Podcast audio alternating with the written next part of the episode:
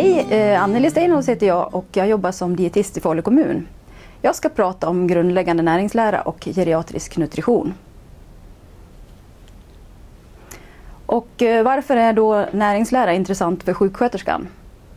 Näringslära handlar ju om hur olika näringsämnen fungerar i kroppen. Näringsämnen det är specifika ämnen, föreningar, molekyler som har funktioner i olika biokemiska processer och även i fysiologiska processer i kroppen. Och eh, vanligtvis är det så att om man har brist på något näringsämne så ser man också att det uppstår typiska bristsymptom. Så näringslära handlar egentligen om hur, hur maten och kroppen samspelar. Och om hur maten påverkar hälsa, uppkomsten av sjukdom och även behandling av olika sjukdomstillstånd. Eh, näringsämnena i maten de brukar indelas i olika huvudgrupper. Det är framförallt två grupper man pratar om, makronutrienter och mikronutrienter. Och eh, den här indelningen görs utifrån alltså hur, i, i, hur stor utsträckning de här ämnena förekommer i maten och även i vilken utsträckning vi behöver de här ämnena. Och makronutrienterna det är de näringsämnen som tillför energi till kroppen. Och de innehåller lite olika mycket energi per gram. Så kolhydrater och proteiner tillför 4 kilokalorier per gram medan fett eh, tillför mer än dubbelt så mycket, 9 kilokalorier per gram. Även alkohol räknas som ett energigivande näringsämne, vilket kan tyckas vara lite märkligt. För alkohol är inte på något sätt livsnödvändigt. Och eh, alkohol innehåller heller inga ytterligare näringsämnen förutom energi. Men det kan vara bra att ha i åtanke att för en del personer så eh, innebär ett stort alkoholintag faktiskt också ett, ett kraftigt energiintag. När det gäller mikronutrienterna så eh, rör det sig om ämnen som vi inte behöver eh, få i oss så stora mängder utav men som ändå är livsviktiga. Det handlar om vitaminer, mineraler och spårämnen. Och kolhydrater och kolhydratrika livsmedel de är de dominerande energikällorna i de flesta koster. Och det handlar då oftast om stärkelserik mat som spannmål och olika rotfrukter. Och det beror i, i första hand på att det är ofta livsmedel som man har en stor tillgång på. Det är billiga livsmedel och det är mat som helt enkelt lämpar sig för långtidslagring. Och eh, i kroppen så, så lagras kolhydraterna som glykogen i levern och i musklerna. Och det handlar om ungefär 100 gram glykogen i levern och ja, runt 400 gram i muskulaturen. Och under perioder när vi inte äter så mycket, till exempel under natten, då bryts det lagrade glykogenet ner till glukos som bidrar till att hålla blodsockret på en jämn nivå dygnet runt. Och det är ju viktigt för att tillföra energi till hjärna och nervsystem och hjärta och andra organ som behöver fungera kontinuerligt. Och även på cellnivå då så är eh, kolhydrater vårt absolut mest primära energisubstrat. Och det är på grund av att glukos plus syre då omvandlas till kemisk energi i form av ATP i och med cellandningen. Kolhydraterna i maten de brukar delas in utifrån sin kemiska struktur i enkla respektive sammansatta eller komplexa kolhydrater. Och de enkla kolhydraterna det är så kallade monosackarider som består av en enda molekyl. Medan de sammansatta de kan bestå av eh, från två monosackarider till långa kedjor utav eh, enkla so sockerarter. Och eh, de komplexa sockerarterna eller kolhydraterna de bryts ner eh, genom passagen då i mag-tarmkanalen med hjälp av olika enzymer. Så att de till slut delas i mindre och mindre delar för att kunna tas upp ur tarmen då som monosackarider. Och monosackarider det är vårt enda sätt att absorbera kolhydrater från födan. Och en del kolhydrater saknar vi faktiskt enzymer för. Alltså, det vill säga vi kan inte bryta ner dem i mag-tarmkanalen. Ett exempel på sådana kolhydrater som då är icke-digererbara, det är kostfiber som passerar oförstörda genom tunntarmen och ner i tjocktarmen. För en del människor så är också laktos eller mjölksocker en icke-digererbar sockerart. Det innebär att de personerna har till otillräcklig mängd av det enzym som då ska spjälka mjölksockret till glukos och galaktos. Och det här gör att mjölksockret då fortsätter ner i tjocktarmen där det drar till sig vätska. Och det gör då att de här personerna blir lösa i magen helt enkelt. Så laktosintolerans det är en enzymbrist. Ibland så pratar man om snabba respektive långsamma kolhydrater och då syftar man på ja, hur det här livsmedlet då påverkar blodsocker och blodsockerstegring. Och ett sätt då att försöka rangordna livsmedel utifrån ja, hur de påverkar vårt blodsocker det är att tilldela dem ett glykemiskt index, eller GI. Och I verkligheten är det ju så att vi sällan äter ett enda livsmedel åt gången utan ja, vi äter oftast måltider som består av både fetter, proteiner och kolhydrater. Så därför menar en del att det är mer relevant att prata om glykemisk belastning eller glykemic load då, än glykemiskt index för ett enskilt livsmedel.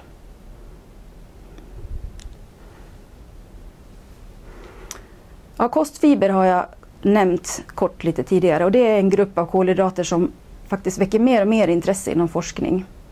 Och länge så trodde man att kostfiber de passerade rakt igenom mag-tarmkanalen utan att brytas ner och att de heller inte då tillförde någon energi. Men idag så har man förstått att så är det faktiskt inte utan det må vara så att vi människor saknar enzym för att bryta ner kostfiber men vi har bakterier i mag-tarmkanalen som faktiskt har den förmågan. Och det sker då genom en process, process som heter fermentering. Och genom fermenteringen så ombildas kostfibrer till kortkedjiga fettsyror. Och de här fettsyrorna eh, de fungerar i sin tur som näring för cellerna i tarmväggen i tjocktarmen. Och eh, man tror att det här är en viktig del i vårt immunförsvar och att den här då fermenteringen utav vissa kostfibrer faktiskt har viktig funktion för uppkomsten av till exempel inflammatoriska tarmsjukdomar, allergier eller till och med kanske koloncancer. Och fibrerna brukar delas in i två grupper utifrån sina kemiska egenskaper. Man har dels en grupp med lösliga fibrer som ja, helt enkelt löser sig i vatten och sen finns det olösliga fibrer som inte har den förmågan. De lösliga fibrerna det är de typerna av kostfibrer som faktiskt då kan fermenteras till fettsyror. De har också den egenskapen att de bildar en sorts gel i mag-tarmkanalen.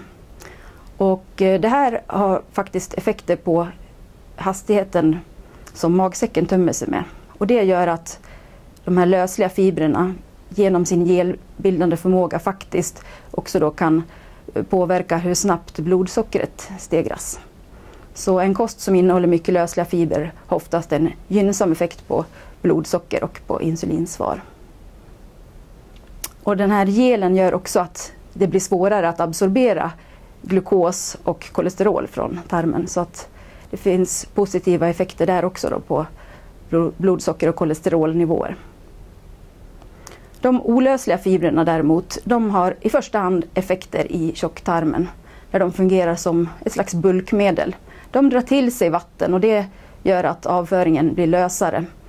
Och det påverkar också tarmpassagens tid så att avföringens Eh, transport genom tarmen den blir snabbare. Och det här kan då motverka till exempel divertiklar, trög mage och förstoppning. Och bägge de här typerna av kostfibrer de finns ju framförallt i olika spannmål, framförallt fullkornsprodukter och i frukt, bär och grönsaker.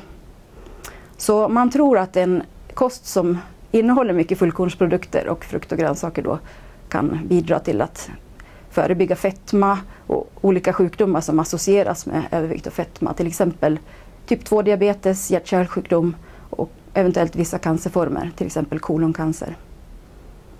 Och eh, det här antar man beror på att de fiberrika livsmedlen de är generellt väldigt eh, de har en generellt låg energitäthet. Det innebär att fiberrika livsmedel bidrar till mättnad och det gör det i sin tur lättare att hålla vikten. Sen är det också så att de här produkterna, spannmålsprodukter och frukt och grönsaker, innehåller många andra viktiga ämnen som man tror har betydelse för uppkomsten av vissa sjukdomar. Det handlar om till exempel antioxidanter och andra ämnen som har skyddseffekter i kroppen.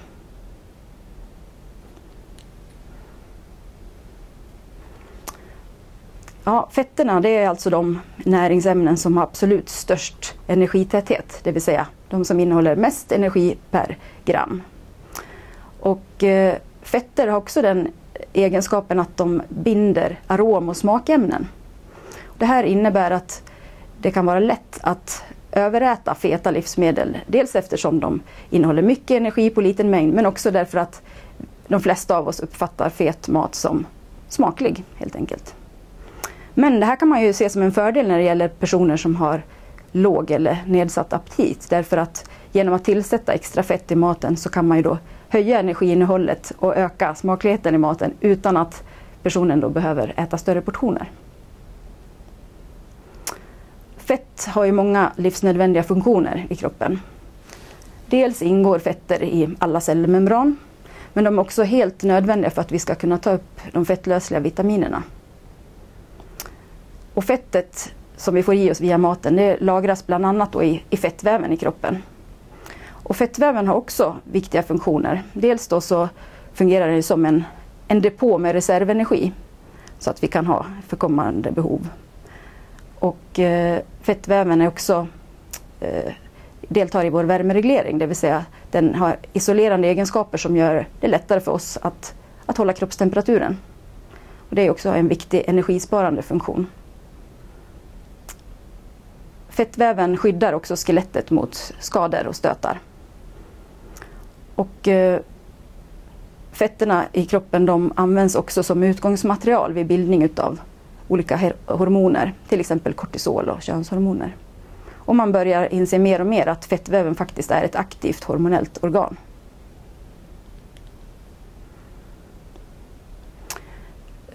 Fetterna, både i maten och i kroppen, det, de består framförallt utav en typ utav ämnen, så kallade triglycerider. Det är ämnen som består utav en glycerolmolekyl som har tre fettsyror kopplade till sig. Och glyceroldelen den, den kan omvandlas till glukos och gå in i energiomsättningen. Vilka fettsyror som ingår i fetterna är helt avgörande för vilka egenskaper fettet har, både i maten och i kroppen. Och eh, de mättade fettsyrorna de har en väldigt enkel kemisk struktur på så sätt att de består enbart av enkelbindningar. Och det här gör att de molekylerna de blir helt raka. Och när de är helt raka så kan de också packa sig väldigt tätt. Vilket gör då att ja, det bildar fetter som blir hårda och fasta i konsistensen. Och ett sådant exempel är ju till exempel smör som är helt hårt i kylskåpstemperatur. Transfettsyror de har liknande egenskaper som mättade fettsyror, både i maten och i kroppen.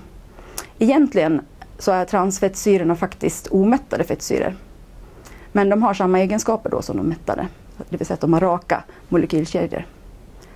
Och transfettsyror de bildas naturligt hos idisslande djur, till exempel ko och får. Då. Så de finns i vanliga mjölkprodukter i liten mängd. Men de framställs också industriellt och genom en process som kallas för härdning. Och de mättade fettsyrorna de kan kroppen bilda själv så de är egentligen inte nödvändiga att tillföra via kosten. Om vi då tittar på de omättade fettsyrorna så skiljer de sig från de mättade genom att de också innehåller eh, dubbelbindningar. De enkelomättade fettsyrorna de har bara en dubbelbindning så de får en liten krökning då på, på molekylen. Medan de fleromättade har flera eh, dubbelbindningar och det gör att de fettsyrorna de blir krökta i flera ledder. Och det här medför att de här fettsyrorna de kan inte packa sig så tätt utan de ligger lite huller om buller i fettet. Och det gör att fetter då som innehåller mycket omättade fettsyror de blir bredbara, mjuka eller till och med flytande då i, i kylskåpstemperatur. Så det här är ett enkelt sätt att kunna avgöra så, vilken typ av fettsyror som dominerar i ett visst fett genom att titta på konsistensen i kylskåpstemperatur. Det finns två fettsyror som måste tillföras via kosten. De är alltså essentiella. Och det handlar om linolsyra och alfa-linolensyra. Linolsyran tillhör omega-6-familjen medan alfa-linolensyra tillhör omega-3-familjen. Och eh, de här fettsyrorna de kan ombildas till långkedja fettsyror, till exempel DHA och EPA. Så det är fettsyror som också finns i fiskfett och i skaldjur. Och de fettsyrorna har den egenskapen att de i sin tur kan ombildas till ämnen som har betydelse för till exempel vår blodtrycksreglering, för våra blodplättars tendens att klumpa ihop sig eller aggregera. Och de verkar också ha kärlvidgande egenskaper. Det har också funnits hypoteser om att omega-3-fettsyrorna till exempel skulle ha antiinflammatoriska effekter. Det är inte helt klarlagt om det är så. Men man tror i alla fall att mängden omega-3-fett i kosten kan ha betydelse för risken att utveckla hjärt-kärlsjukdom. Däribland då så tendensen att få blodproppar.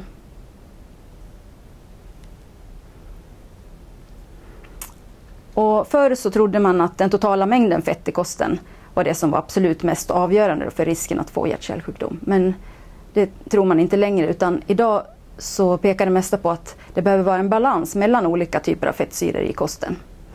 Och en svensk traditionell kost består ju mycket av mjölkprodukter och fläsk och nötkött. Och en sån kost blir väldigt rik på mättade fettsyror.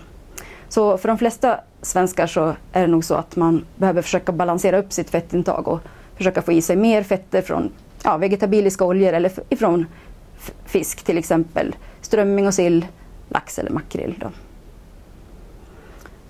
Och anledningen till att det här med fettkvaliteten antas ha betydelse för uppkomsten av hjärt-kärlsjukdom det är bland annat då eh, beroende på hur de här fetterna transporteras i blodet. Och där har man sett att mätta fettsyror och transfettsyror de höjer då mängden LDL-kolesterol i blodet. Och LDL kallas ju ibland för det onda kolesterolet. Det är alltså en form av lipoprotein som transporterar ut fetter i kroppen. Då. Och eh, man tror att alltså en hög mängd LDL-kolesterol då kan en, vara en riskfaktor för tendensen att bli åderförfettad eller få ateroskleros. Och det omättade fettet det tror man då istället kan minska förekomsten av LDL-kolesterol.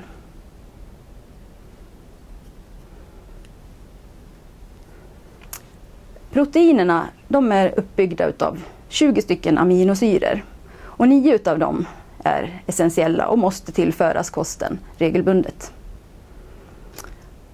Proteinernas huvudsakliga funktioner är att dels då vara byggsten i olika vävnader i kroppen men också att bygga upp enzymer, hormoner, olika transportproteiner i blodet och också då att bygga upp celler i vårt immunförsvar, antikroppar och immunoglobuliner. Så proteinerna är väldigt viktiga. Och när man tittar på proteinet i maten så är det framförallt då livsmedel som kommer från djurriket, animaliska livsmedel, som har proteiner som har ett högt biologiskt värde. Och högt biologiskt värde det innebär helt enkelt att de innehåller samtliga essentiella aminosyror. Och när vi tittar på vegetabiliska livsmedel då är det egentligen bara ett enda livsmedel som faktiskt har ett högt biologiskt proteinvärde och det är sojabönan. Men man kan kombinera olika typer av vegetabiliska livsmedel och på så sätt då skapa en kombination som har ett högt biologiskt värde. Och ett sådant exempel är att kombinera baljväxter med en spannmålskälla. Så det är alltså fullt möjligt att äta en helt vegansk kost och ändå få i sig proteiner med högt biologiskt värde.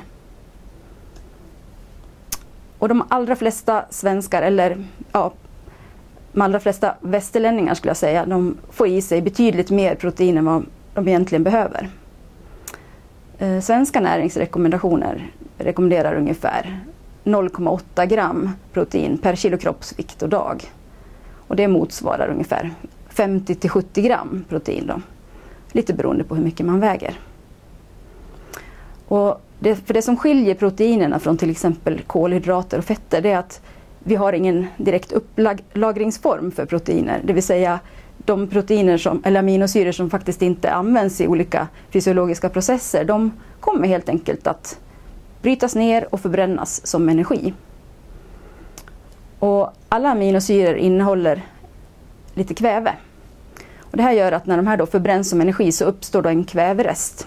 Och den i sin tur måste utsöndras på något sätt. Och enda sättet är då via urinvägarna. Som till exempel urea eller som kreatinin.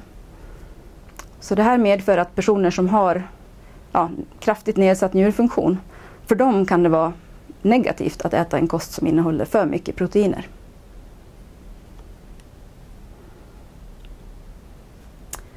Vitaminerna är en grupp organiska föreningar som är ganska olika inbördes. Men som har det gemensamt att om man har brist på vitaminet så uppstår det typiska bristsymptom. Och de här bristsymptomen kan bara botas genom att man tillför det specifika vitaminet. Och det finns två grupper av vitaminer, fettlösliga och vattenlösliga.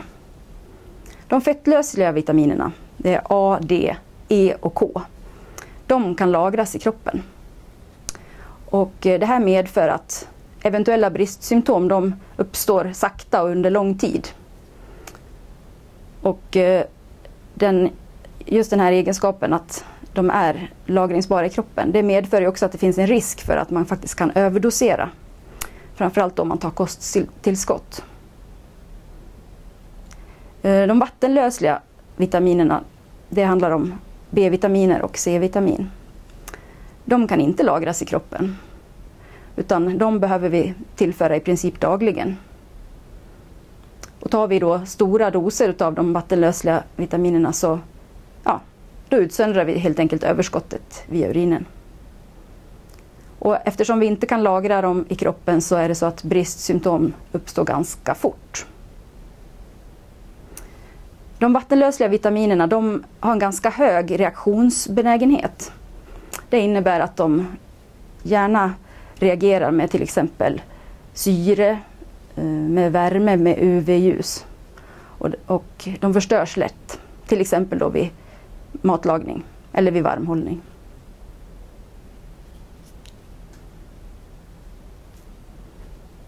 Mineralämnena de är oorganiska föreningar. Många av dem är metaller. Och eh, det finns eh, sju stycken makroelement, det vill säga som vi behöver en ganska stor mängd utav. Och sen finns det åtta spårelement som är essentiella, det vill säga som vi behöver tillföra kroppen regelbundet. Det finns också ett antal spårelement som inte är essentiella. Det innebär att man har klarlagt vad de har för funktion i kroppen men man har inte sett att, att eh, en brist på det ämnet medför någon form av bristsymptom. Och man kan säga att eh, mineralerna de har ja, man kan säga två huvudsakliga funktioner i kroppen. Dels de strukturella funktionerna, att bygga upp kroppen. Vi kan tänka på kalcium till exempel, på fosfat, magnesium som bygger upp skelettet. Eller svavel som finns i vårt brosk. Eh, och många mineraler har också reglerande funktioner. Och det innebär att de bland annat finns som fria joner i kroppsvätskorna. Vi kan ta natrium och kalium som exempel eller kalcium, fosfat, klorid. Och eh, de här har ju otroligt centrala funktioner för till exempel överföringen utav nervimpulser, för muskelkontraktioner och eh, helt avgörande för vår vattenbalans och även syrabasbalansen. Eh, många spårelement ingår också i olika metalloenzymer och vi har till exempel jod i sköldkörtelhormonerna. Vi har järn i hemoglobinmolekylen som då är helt nödvändig för att vi ska kunna transportera syre i blodet.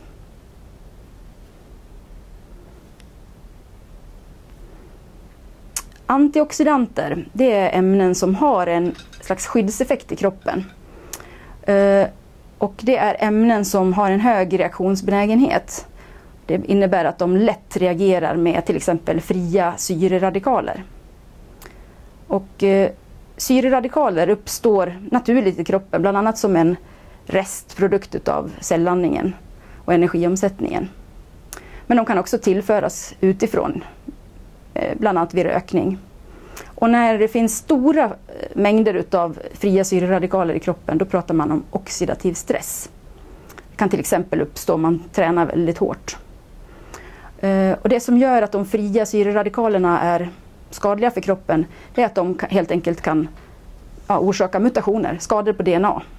De kan också då förstöra olika enzymer. Men antioxidanternas skyddseffekt den bygger på att de själva eh, reagerar med syret som då oskadliggörs istället för att det ska uppstå skador. Och eh, det finns många ämnen som har antioxidativ verkan i kroppen. C-vitamin och E-vitamin är två sådana ämnen. Men det finns också metaller som, eller mineraler då, som ingår i olika sådana antioxidativa eh, enzymer. Och man har faktiskt sett att många naturliga färgämnen i frukt och grönsaker de har antioxidativa effekter. Eh, det handlar till exempel om karotenoider, om lykopen och flavonoider.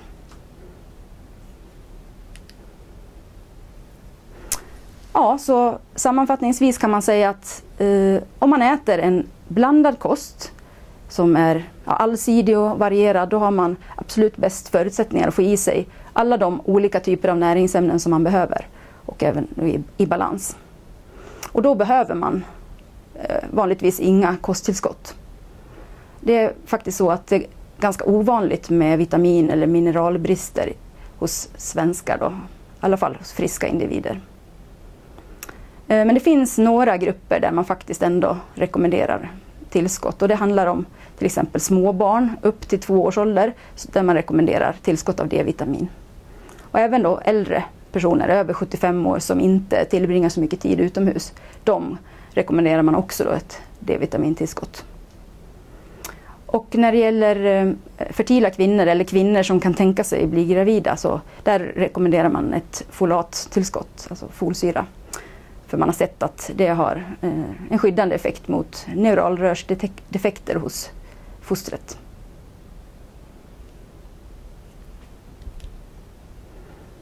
Jag ska nämna lite kort om energibehov också. Eh, energibehovet det brukar man uppskatta eh, till ungefär 30 kilokalorier per kilo kroppsvikt och dag hos ja, vuxna friska individer som är ja, måttligt aktiva. Men det finns olika saker som påverkar behovet av energi. Bland annat kön påverkar. Och det är då på grund av att kvinnor och män har olika mycket muskelmassa.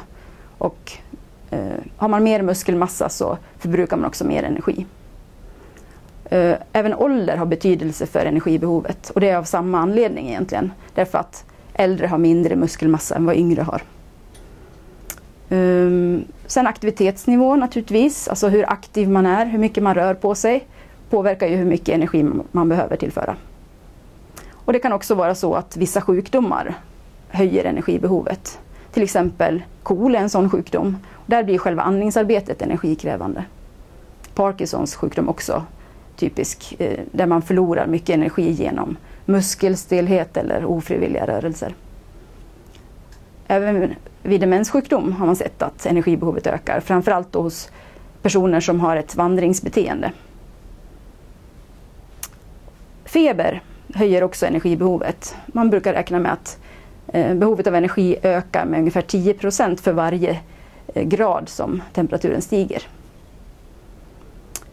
Och det optimala för de allra flesta är att befinna sig i energibalans, det vill säga när eh, intaget av energi då motsvarar den energi man förbrukar, eller energibehovet. Och ett tecken på att man är i energibalans det är ju att man är viktstabil, alltså att man vare sig går upp eller ner i vikt. Positiv energibalans det innebär ju att man helt enkelt förbrukar mindre energi än vad man får i sig.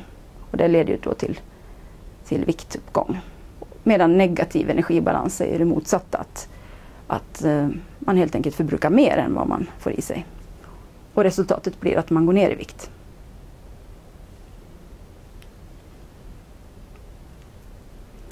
Då ska vi gå över på området geriatrisk nutrition. Det handlar ju då om den äldre individens energi och näringsomsättning. När det gäller äldre så har de ett lägre energibehov än yngre. Och det är flera orsaker till det. Dels så är äldre generellt sett mindre aktiva än vad de har varit tidigare i livet. Och det gör då att deras energibehov sjunker.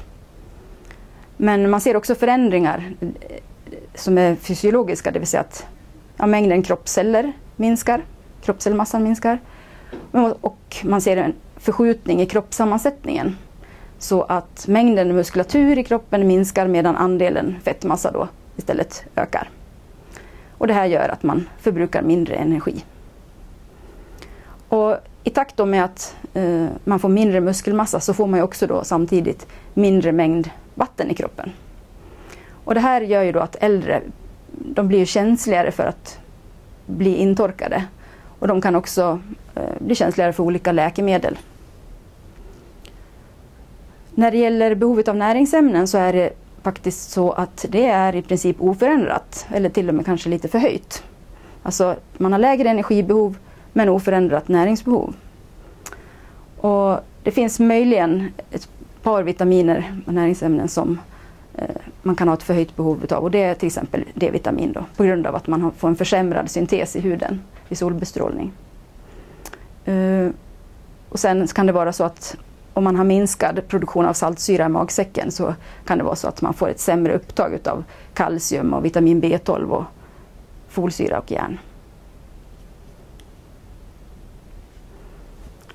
Och eh, malnutrition som då är en obalans i intaget av näringsämnen och behovet av näring. Eh, det är troligen det vanligaste nutritionsproblemet i den äldre befolkningen. Och eh, man tror att det kan vara så vanligt som ja, hos varannan äldre person på ett särskilt boende. Om man då istället tittar på hemmaboende äldre så är ju siffran betydligt lägre. Runt 5 procent av hemmaboende äldre tror man är malnutrerade eller undernärda. För i de studier som man har gjort så har man sett då att förekomsten av undernäring ökar ju äldre man blir och ju sjukare man är. Ju mer hjälp man behöver. Och man kan säga att det är väl två mekanismer som ligger bakom eh, uppkomsten av undernäring. Dels då att man har ett otillräckligt intag och dels att det pågår olika vävnadsnedbrytande processer, alltså katabola processer i kroppen. Och den allra vanligaste formen av malnutrition hos äldre det är en kombination av brist på protein och energi, så kallad proteinenergi, malnutrition. Och Oftast finns det mer än en orsak till att en äldre person har ett bristande intag av näring. Det kan handla om att man har olika sensoriska nedsättningar, alltså nedsatt syn, försämrat luktsinne och nedsatt smakupplevelse som kan göra då att man äter mindre. Det kan handla om att man har en sämre funktionsförmåga. Man kanske inte klarar av att sköta sina inköp eller sin matlagning själv. Ibland så handlar det om att man har en ja, dålig munhälsa, dålig tandstatus eller tugg och sväljproblematik, till exempel vid olika neurologiska sjukdomar som gör att man inte kan äta helt enkelt. Nedstämdhet och depression det är också faktorer som påverkar viljan att äta. Och depression är ju eventuellt då ett underdiagnostiserat tillstånd hos äldre personer. Även sociala faktorer som till exempel ensamhet, isolering, men även ekonomi kan ju ha betydelse för hur man äter.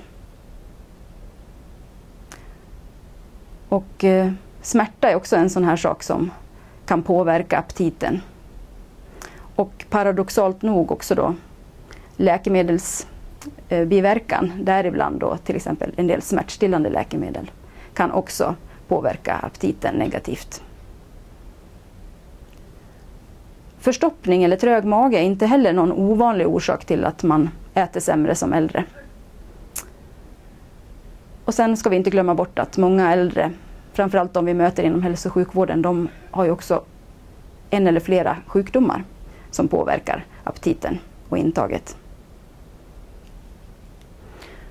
Så ja, det finns många orsaker till att en äldre person äter sämre. Och därför är det viktigt att vi samverkar mellan eh, professionsgränserna och tillsammans hjälps åt att titta på den geriatriska patienten. Så teamet runt den äldre personen är otroligt viktigt i det här fallet. man ser också en förändring i aptit och mättnadsregleringen hos äldre. Och ibland kallar man det här för åldrandets anorexi. Och det är tre mekanismer egentligen som orsakar det här. Eh, det ena är då att ja, man får en sämre hungerupplevelse som äldre. Och det här beror på att nivåerna utav eh, mättnads och hungerhormonerna förändras. Och bland annat så får man förhöjda nivåer utav mättnadshormonerna, till exempel leptin och kolocystokinin, medan hungerhormonet grelin minskar. Så det här leder till att man helt enkelt inte känner sig hungrig. Sen ser man också att många äldre då får en så kallad tidig eller snabb mättnadskänsla. Det vill säga att man eh, blir mätt fort vid måltiden. Det räcker med en ganska liten mängd mat för att man ska känna sig nöjd. Och det här beror på att elasticiteten i magsäcken blir försämrad. Det vill säga att magsäcken kan helt enkelt inte töja sig lika mycket. Så det, och det här då leder till att många äldre äter mindre portioner. Den tredje mekanismen eh, kallas ibland för inflammaging i engelskspråkig litteratur. Och det bygger på att man har sett att åldrandet i sig då, ja, på, präglas av ett slags eh, systemisk låggradig inflammation där man har förhöjda cytokinnivåer. Och de här ämnena de påverkar då hungercentrum i hypotalamus så att ja, hungern nedregleras. Uh, och uh, kroppen går också in i ett slags vävnadsnedbrytande fas, så kallad katabolism. Och eh, det finns två begrepp eh, som man brukar använda när man pratar om konsekvenserna utav det här åldrandets anorexi och det är sarkopeni och kakexi. Eh, de begreppen kan vara bra att känna till. Sarkopeni det innebär egentligen en åldersrelaterad förlust utav muskelmassa och muskelfunktion. Och ja, man kan inte alltid se utanpå en person om den är sarkopen eller inte. Utan man kan mycket väl vara alltså, kraftig eller överviktig och ändå ha onormalt lite muskelmassa. Eh, om man tittar på den kakektiska personen så är den ofta avmagrad. Den har en uttalad förlust av både muskel och fettmassa. Eh, en person med kakexi den har ofta väldigt nedsatt aptit och kanske till och med illamående. Och det som också är lite typiskt för en person med kakexi är att han svarar dåligt på enbart nutritionsbehandling.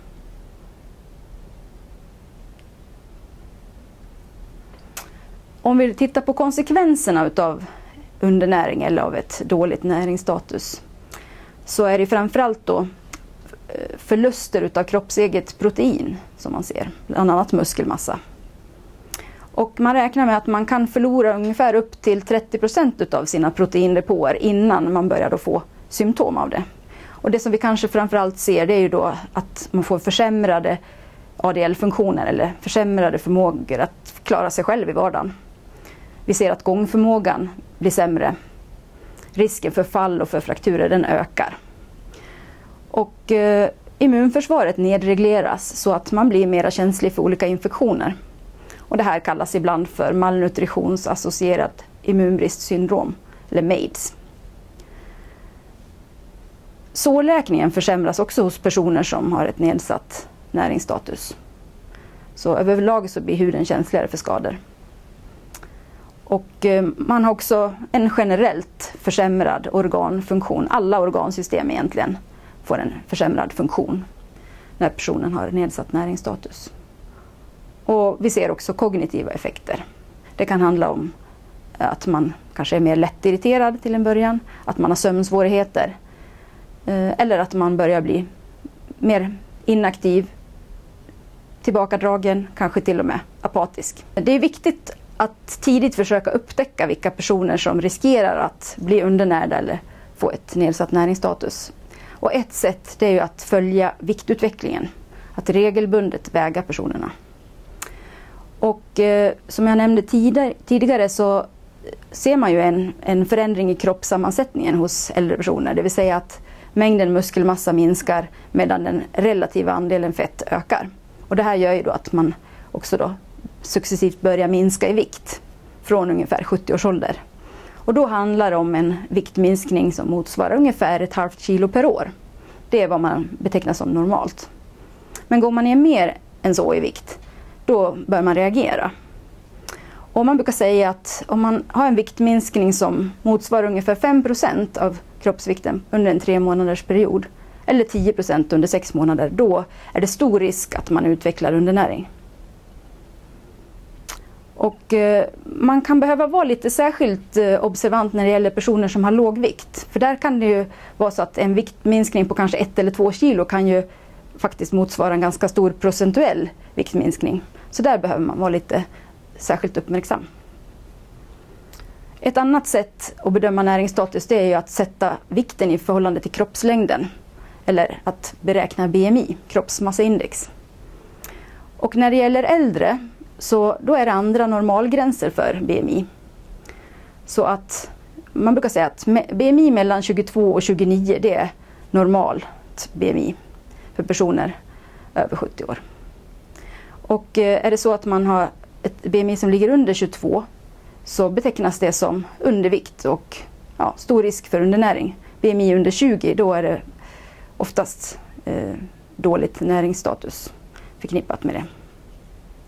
I en del studier har man sett att det faktiskt verkar vara så att eh, ett högre BMI är eh, förknippat med bättre funktionsförmåga och längre femårsöverlevnad jämfört med ett lågt BMI. Så det kan vara så att ett optimalt BMI för äldre faktiskt ligger någonstans mellan 25 och 29. Och det är då vad som skulle betecknas som övervikt hos yngre eller medelålders personer. Man kan också screena eh, äldre personer då för undernäring. Och eh, det gör man vanligtvis genom att använda ett screeningverktyg eller instrument. Och det finns ett sådant screeningverktyg som är direkt framtaget för äldre personer. Och det är MNA. Och eh, oftast används en kort version av MNA som består av sex frågor. Där man bland annat då kartlägger eh, vikthistoria, alltså viktförlust, eh, aktuellt BMI och också ätsvårigheter till exempel. Och I de flesta kommuner så används MNA som, ja, som ett riskbedömningsinstrument när det gäller att kartlägga undernäring. Och MNA ingår då som en av eh, de här modulerna i kvalitetsregistret Senior Alert.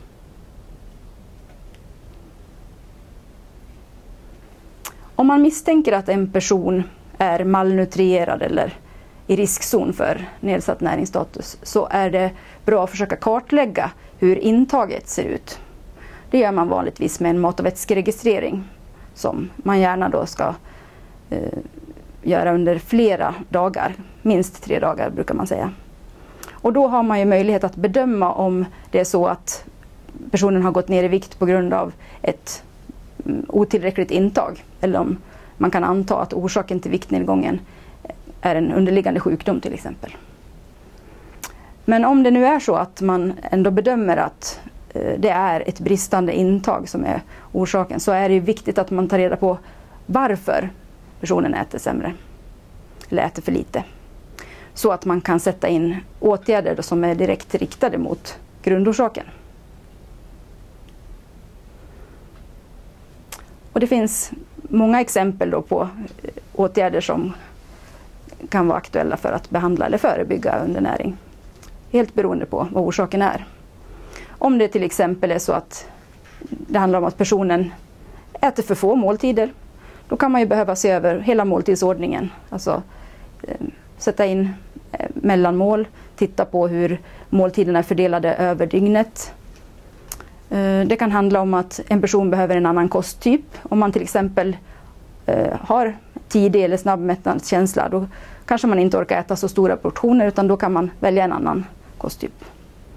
Eh, om man har tugg och sväljsvårigheter som gör att man inte får i sig maten så kan man konsistensanpassa maten till exempel. Man kan behöva titta över hela måltidssituationen. Hur fungerar det? Har personen de förutsättningar som han eller hon behöver för att kunna äta på ett bra sätt? Sitter personen bra? Har personen hjälp, de hjälpmedel han eller hon behöver? Och så vidare. Så även här är det viktigt att man tar hjälp av de olika professioner som finns i teamet. Det kan ju handla om arbetsterapeut, för att prova ut hjälpmedel, sjukgymnast för att titta på sittställningen, en logoped för att göra en sväljbedömning till exempel. Eller en dietist som kanske kan rekommendera någon form av berikning eller kosttillägg, näringsdrycker. Så ja, konsultera eh, andra eh, professioner.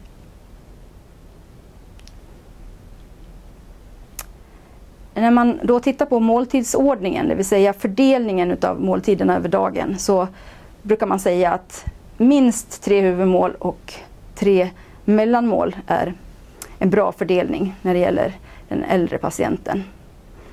Och eh, det viktiga här är att man håller nere portionsstorlekarna då, så att små men täta måltider bör liksom serveras. Och, och man också försöker sprida ut de här över dagen.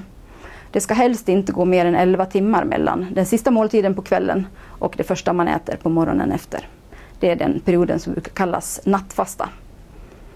Och eh, ja, sprider man ut måltiderna under flera timmar så är chansen större att man hinner bli hungrig mellan måltiderna och att man då kan äta tillräckligt så att man får i sig det man behöver. I många kommuner så arbetar man med nattfastan, bland annat genom att servera för frukost eller så kallade sängfösare, det vill säga att man ger någon form av energirik dryck. Ofta kan det vara någon form av hemmagjord mjölkdrink som man ger på morgonen innan personen stiger upp och sen på kvällen vid sänggåendet för att då på så sätt hålla nere nattfastans längd. Eh, när det gäller personer som då inte orkar äta så stora portioner så är det ofta befogat att välja en annan alternativ kosttyp. Inom hälso och sjukvården så är oftast A-kosten, allmän kost för sjuka, standardkost. SNR-kost det är helt enkelt vanlig kost för friska enligt svenska näringsrekommendationer, SNR. Och eh, A-kosten den är lite mer närings och energität än SNR-kosten. Det gör att portionsstorlekarna blir mindre. Den mest energi och näringsrika kosttypen den kallas E-kost. Och den ska vara så att en halv portion storlek, alltså jämfört med SNR, den ska innehålla lika mycket näringsämnen och energi som en fullstor portion. Så det blir en halv portionsstorlek. Och det här är oftast mm, aktuellt då för de personer som äter väldigt små mängder som får tidig mättnadskänsla. Ett enkelt sätt att förbättra energi och näringsintaget är ju att se över livsmedelsvalen. Alltså vilken typ av livsmedel är det som den här personen äter eller dricker. Och det viktiga här det är ju att man alltid försöker utgå ifrån vad personen faktiskt tycker om eller kan tänka sig att äta. Och det är ju helt enkelt utifrån den principen att chansen är ju större att man äter eller dricker om det är någonting som man tycker om. Och mat som ligger kvar på tallriken, den gör inte någon som helst nytta. Den bidrar inte med några näringsämnen. Oavsett hur mycket vitaminer eller mineraler det finns i den. Så. Ja, utgå ifrån personens preferenser. Och är det så att den här personen tål mjölkprodukter och tycker om det så är det ett otroligt bra sätt att tillföra mer näring i kosten. Mejeriprodukter bör serveras varje dag och även ost ingår då i, i mjölkprodukterna. Där kan man räkna att alltså en ganska tjock ostskiva motsvarar en deciliter mjölk. Och ungefär fem deciliter mjölkprodukter, det är en lämplig mängd under en dag. Man kan titta på vad personen väljer för måltidsdryck.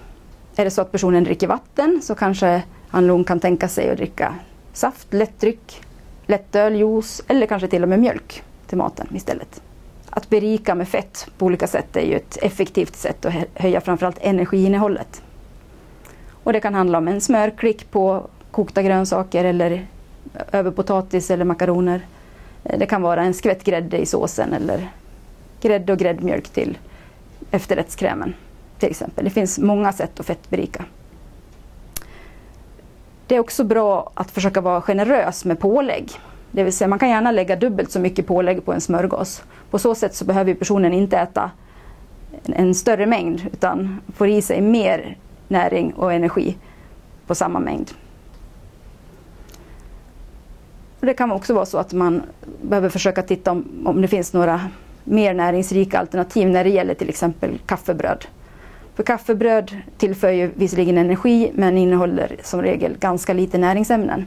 Och där kan det ju finnas något alternativ som, som kanske är mer näringsrikt. Det kanske kan handla om bär eller fruktsallad och glass eller grädde, eh, chokladpudding eller fromage eller någonting sånt. Så att titta där också. Ofta handlar det om att det blir många bäckar små som tillsammans gör en stor förändring. Konsistensanpassning det handlar ju om att man då förändrar konsistensen på maten så att den blir säker att äta för en person som har tugg eller sväljsvårigheter.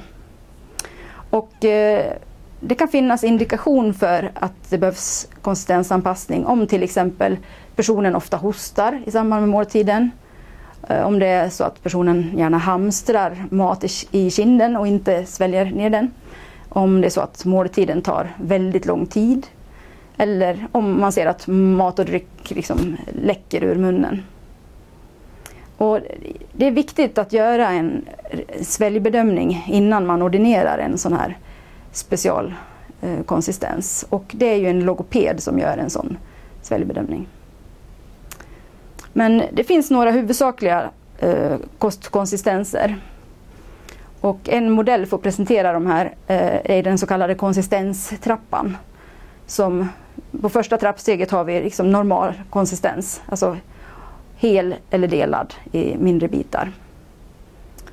Eh, nästa steg som man kan prova det är grov paté. Då det är en konsistens som är mera lättäten. Den har viss textur, alltså den är lite finkornig i, i konsistensen, ungefär som köttfärslimpa. Den går lätt att dela sönder och lätt också att tugga.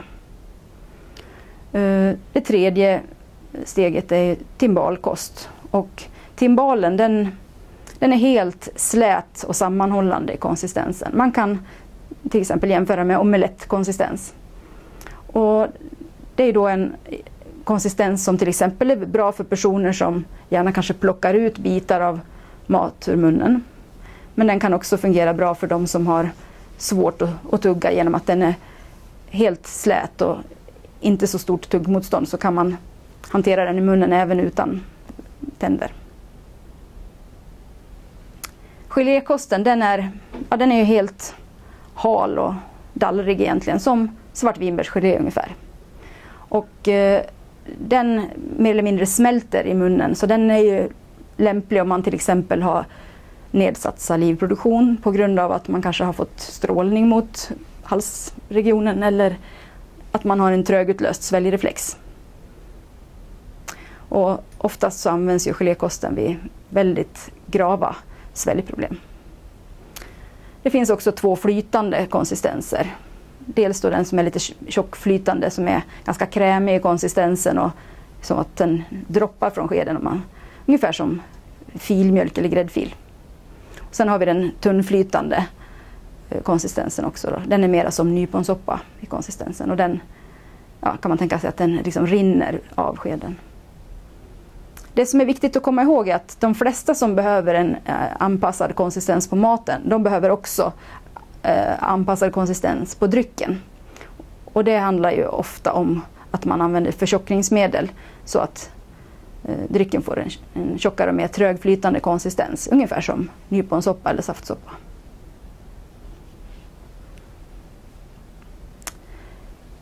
Ja, det här var en föreläsning om grundläggande näringslära och geriatrisk nutrition. Tack så mycket.